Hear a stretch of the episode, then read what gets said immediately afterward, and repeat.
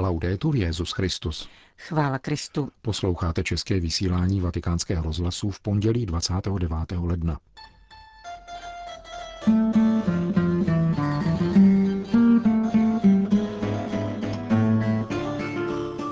Kdo neumí snášet pokoření, není pokorný, kázal papež František při raním v kapli domu svaté Marty. Obnova, obrana a ochrana křesťanského svědomí. Tak vytyčel Petrův nástupce poslání církevních soudců na dnešní audienci pro římskou rotu. A začínám a končím den ukrajinsky, řekl římský biskup při nedělní návštěvě ukrajinské řecko-katolické komunity Věčného města. Od mikrofonu přejí nerušený poslech Milan Glázer a Johana Bromková. Zprávy vatikánského rozhlasu. Vatikán. Není pravé pokory bez pokoření, kázal papež František při raním v kapli domu svaté Marty.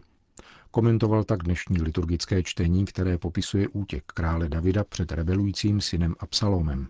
David byl velikán, předeslal papež. Přemohl filišťany a byl šlechetný, protože měl dvakrát možnost zabít Saula a nevyužil ji. Byl však také velkým hříšníkem.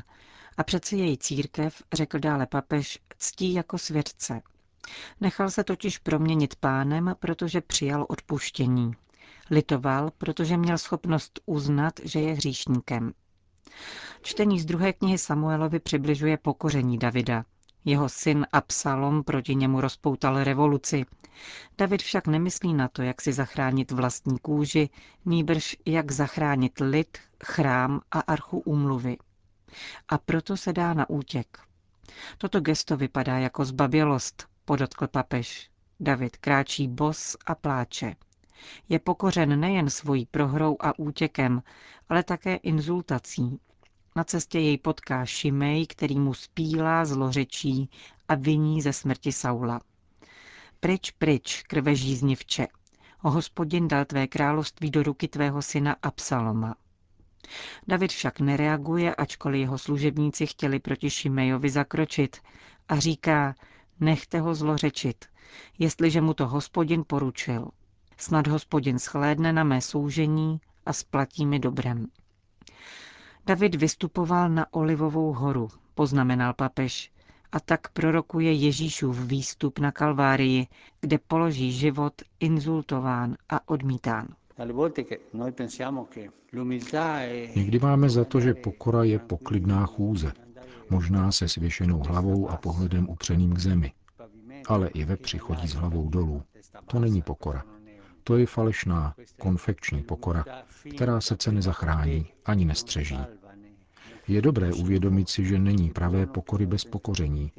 A nejsi-li schopen tolerovat a snášet pokoření, nejsi pokorný. Předstíráš, ale nejsi. David si nakládá na bedra vlastní hříchy, pokračoval papež. David je svatý. Ve vlastním smyslu je však svatý Ježíš, a to svatostí Boha. David je hříšník, zatímco Ježíš je hříšný našimi hříchy. Avšak pokoření jsou oba. Vždycky je tu pokušení bojovat proti tomu, kdo nás pomlouvá, pokořuje a zostuzuje. Jako onen Šimej. David říká ne. Pán říká ne. To není cesta.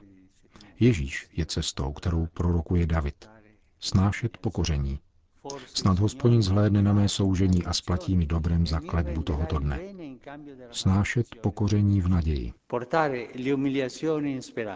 Pokora se nesnaží hned ohrazovat proti urážce, aby se ukázala jako dobrá, uvažoval dále papež. Pokud neumíš prožít pokoření, nejsi pokorný. To je zlaté pravidlo, upozornil. Prosme pána o milost pokory, ale s pokořeními. Slyšel jsem jednou od jisté řeholnice, jsem pokorná, ale nikdy ne pokořená. Tak to ne. Není pokory bez pokoření. Prosme o tuto milost. A pokud má někdo odvahu, může, jak učí svatý Ignác, prosit pána, aby mu daroval pokoření, které by ho více připodobnilo pánu kázal papež František při raním mši v kapli domu svaté Marty.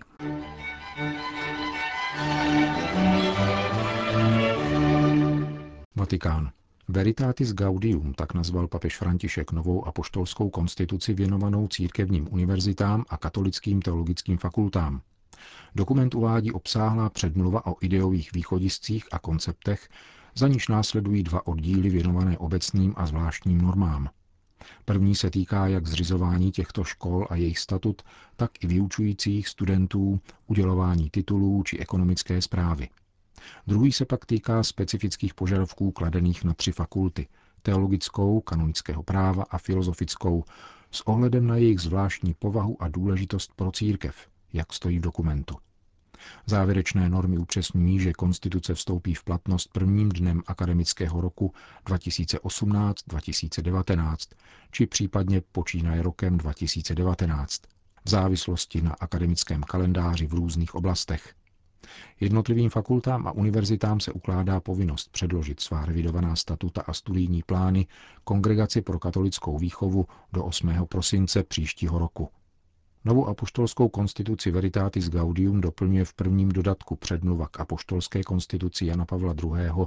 Sapiencia Christiana z roku 1979 a v druhém dodatku podrobné provádějící normy, vypracované Kongregací pro katolickou výchovu.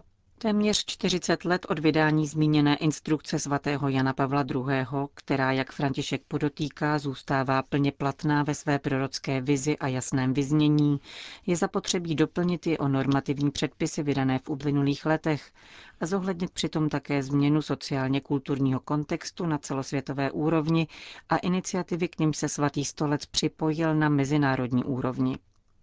Papež František v předmluvě vychází z představy misionářské církve vycházející ven a žádá, aby v tomto duchu došlo k moudré a odvážné obnově studií na církevních vysokých školách. V souvislosti s epochálními změnami, jak v antropologické, tak v sociálně-ekologické oblasti, žádá papež od církevních univerzit radikální změnu paradigmatu, kterou s odkazem na encykliku Laudato Si neváhá nazvat kulturní revolucí. Dnes je stále zřejmější, že je zapotřebí pravé evangelijní hermeneutiky, abychom lépe porozuměli životu, světu a lidem, píše papež. Nejde přitom o syntézu, nýbrž o duchovní atmosféru bádání a jistoty založené na pravdách rozumu a víry. Teologie a filozofie posilují lidské vědění a osvěcují vůli, avšak jsou skutečně plodné pouze tehdy, dějeli se tak s otevřenou myslí a nakolenou, dodává papež František.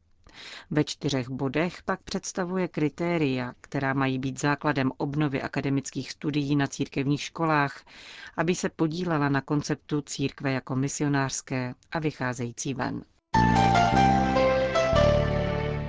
Vatikán.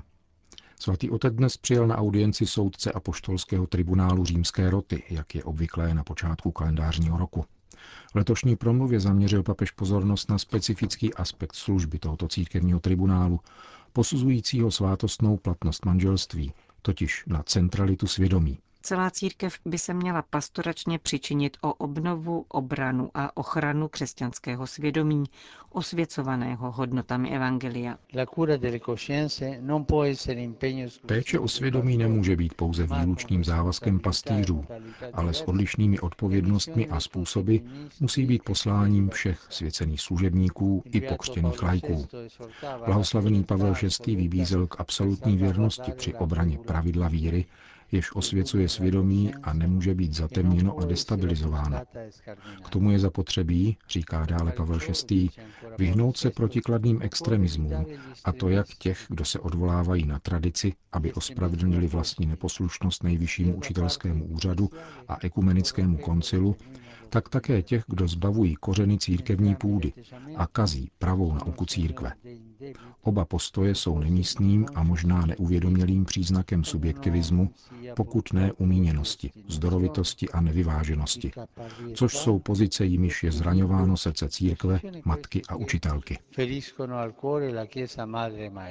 Víra je světlem, které osvěcuje nejenom přítomnost, ale také budoucnost, kterou tvoří manželství a rodina, proto je nezbytné podporovat trvalý katechumenát, aby svědomí pokřtěných bylo otevřené světlu ducha. Svátostný úmysl není nikdy plodem automatismu, nýbrž vždycky je plodem svědomí osvíceného vírou. V tomto smyslu lze manželský svazek považovat za pravý pouze tehdy, je-li lidský úmysl manželů zaměřen k tomu, co chtějí Kristus a církev. Vatikán. Paměť je klíčem k budoucnosti a naší zodpovědností je důstojné předávání paměti budoucím generacím, řekl papež účastníkům mezinárodní konference věnované odpovědnosti států, institucí i jednotlivců za boj proti antisemitismu. V rámci letošního předsednictví v Organizaci pro hospodářskou spolupráci a rozvoj ji v těchto dnech v Římě pořádá italské ministerstvo zahraničí ve spolupráci se Světovým a Evropským židovským kongresem a Združením italských židovských obcí. Papež František v titulu konference zdůraznil právě slovo odpovědnost. Být zodpovědný znamená schopnost reagovat, tedy nikoli pouze analyzovat příčiny násilí a odmítat jeho perverzní logiku, nýbrž pohotově a aktivně mu čelit. Nepřítelem, proti kterému je nutné bojovat, proto není jenom násilí ve všech svých formách, nýbrž spíše zakořeněná lhostejnost, která nás ochromuje a brání nám ve spravedlivém jednání, ačkoliv víme, že je spravedlivé. Proti viru lhostejnosti papež František doporučil očkování pamětí. Důležité je nevzpomínat jenom na slavné a potěšitelné momenty, nýbrž pamatovat na celou cestu, jak to připomíná Mojžíš vyvolenému lidu. Právě jsme oslavili Den památky obětí holokaustu. Jestliže chceme zpětně nabít své lidskosti, dobrat se lidského chápání reality a překonat mnohé politování hodné formy apatie vůči bližnímu, potřebujeme tuto paměť, schopnost společně se zapojit do vzpomínání, Paměť je klíčem k budoucnosti a my neseme odpovědnost za její důstojné předávání budoucím generacím. Řekl papež účastníkům Mezinárodní konference o boji proti antisemitismu. Řím. Papež František v neděli odpoledne navštívil ukrajinskou řecko-katolickou komunitu věčného města, která se schází v bazilice svaté Sofie. Kostel zaplnili především ukrajinské ženy, které v mnoha italských rodinách pečují o nemocné a staré lidi. Za církevní představitele papeže přivítal vyšší kijevsko-halický arcibiskup Světoslav Ševčuk, kterého papež dobře zná z doby jeho služby v argentinské řecko-katolické diaspoře. Svatý otec v úvodu své promluvy připomenul tři osobnosti ukrajinské církve. Kardinála Josefe Sipie, který založil římskou baziliku, a také biskupa Štěpána Chmila, který přímo ovlivnil duchovní cestu 12-letého Jorgeho Bergolňa. Biskup Chmil totiž jako Salesián působil v téže Buenos Aireské koleji, kde budoucí papež studoval. Zůstane mi nesmazatelná vzpomínka na to, jak jsem se v mládí, bylo mi 12, účastnil mší, které sloužil. Naučil mne, jak ministrovat, číst vaši abecedu a odpovídat na různé části mše.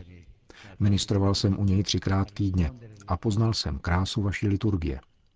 Z jeho vyprávění se mi dostalo živého svědectví o tom, nakolik vaši víru zkoušelo a upevnilo hrůzné ateistické pronásledování minulého století.